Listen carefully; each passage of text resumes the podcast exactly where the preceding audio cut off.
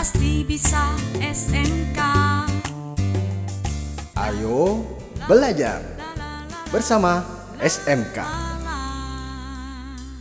Halo sahabat edukasi, jumpa lagi dalam acara kesayangan kita, Ayo Belajar. Sekarang kita akan membahas tentang bahan dan alat membuat kaldu. Yuk, langsung kita simak aja.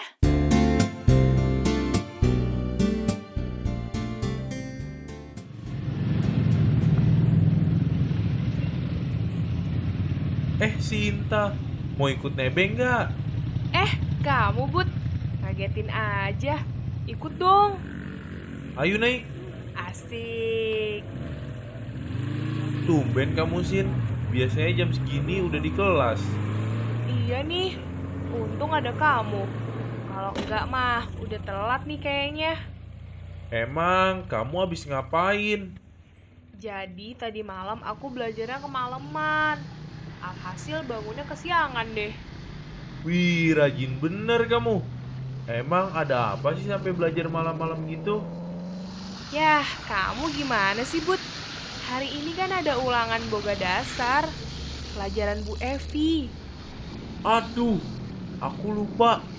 Hari ini toh. Aduh, aku belum belajar lagi. Emang materinya apaan aja sih? Minggu lalu sih Bu Evi bilangnya materi kaldu.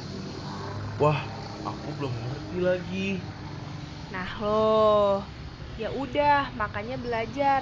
Masih jam ketiga kok ulangannya. Iya, kamu belajar apa semalam? Aku belajar bahan-bahan membuat kaldu. Oh iya tuh, apa saja sih bahannya? Bahan-bahan membuat kaldu atau stok mempunyai tiga komponen dasar. Yang pertama, tulang atau daging. Bahan ini memberi rasa dan ciri khas pada stok. Nama stok diberikan berdasarkan pada bahan dasar yang digunakan. Berikutnya, sayur-sayuran yang akan memberikan aroma pada stok. Dan yang terakhir, rempah untuk meningkatkan rasa serta aroma pada stok. Oh begitu. Terus kamu belajar apa lagi? Aku belajar teknik menyimpan kaldu yang benar. Kalau itu aku tahu. Coba apa? Kan ada enam poin tuh. Wah, ada 6 poin toh. Aku taunya cuma tiga nih. Yang pertama, stok dapat disimpan hingga satu minggu dalam kulkas atau kamar pendingin pada temperatur 1 derajat Celcius sampai 4 derajat Celcius. Lalu yang kedua, stok dapat disimpan hingga 3 bulan dalam freezer. Dan stok harus benar-benar dingin sebelum disimpan dalam lemari pendingin, kamar pendingin, atau freezer. Iya, benar. Terus yang tiga lagi apa?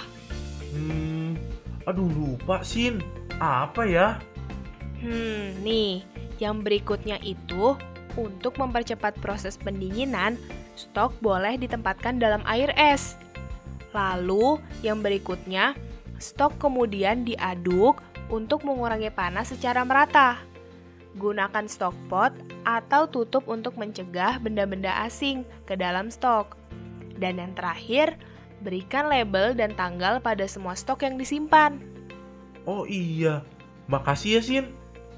Apalagi ya materinya? Kamu tahu tidak alat apa saja yang biasa digunakan dalam pembuatan kaldu? Oh iya, itu juga tuh. A- Aku lupa-lupa inget kalau itu. Ah, kamu Bud, banyakan lupanya. Apa aja sih Sin? Kasih tahu dong. Oke, oke. Jadi, alat yang biasa digunakan untuk membuat kaldu itu di antaranya ada stock pot, ladle, oven, cutting board, knife, strainer atau saringan. Stock pot itu apa sih? Ah, kamu Bud. Itu loh, panci besar yang untuk bikin kaldu. Oh itu. Aku taunya panci aja. Sahabat edukasi, bahan-bahan membuat kaldu atau stok mempunyai tiga komponen dasar. Yang pertama, tulang atau daging. Bahan ini memberi rasa dan ciri khas pada stok. Nama stok diberikan berdasarkan pada bahan dasar yang digunakan. Berikutnya, sayur-sayuran yang akan memberi aroma pada stok. Dan yang terakhir, rempah untuk meningkatkan rasa serta aroma pada stok. Ayo belajar bersama SMK.